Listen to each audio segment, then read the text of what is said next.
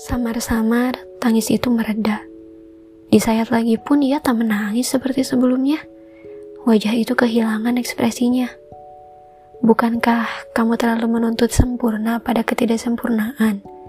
Ketika kakiku baik-baik saja, jalan yang aku temui begitu terjal, kasar dan menyakitkan.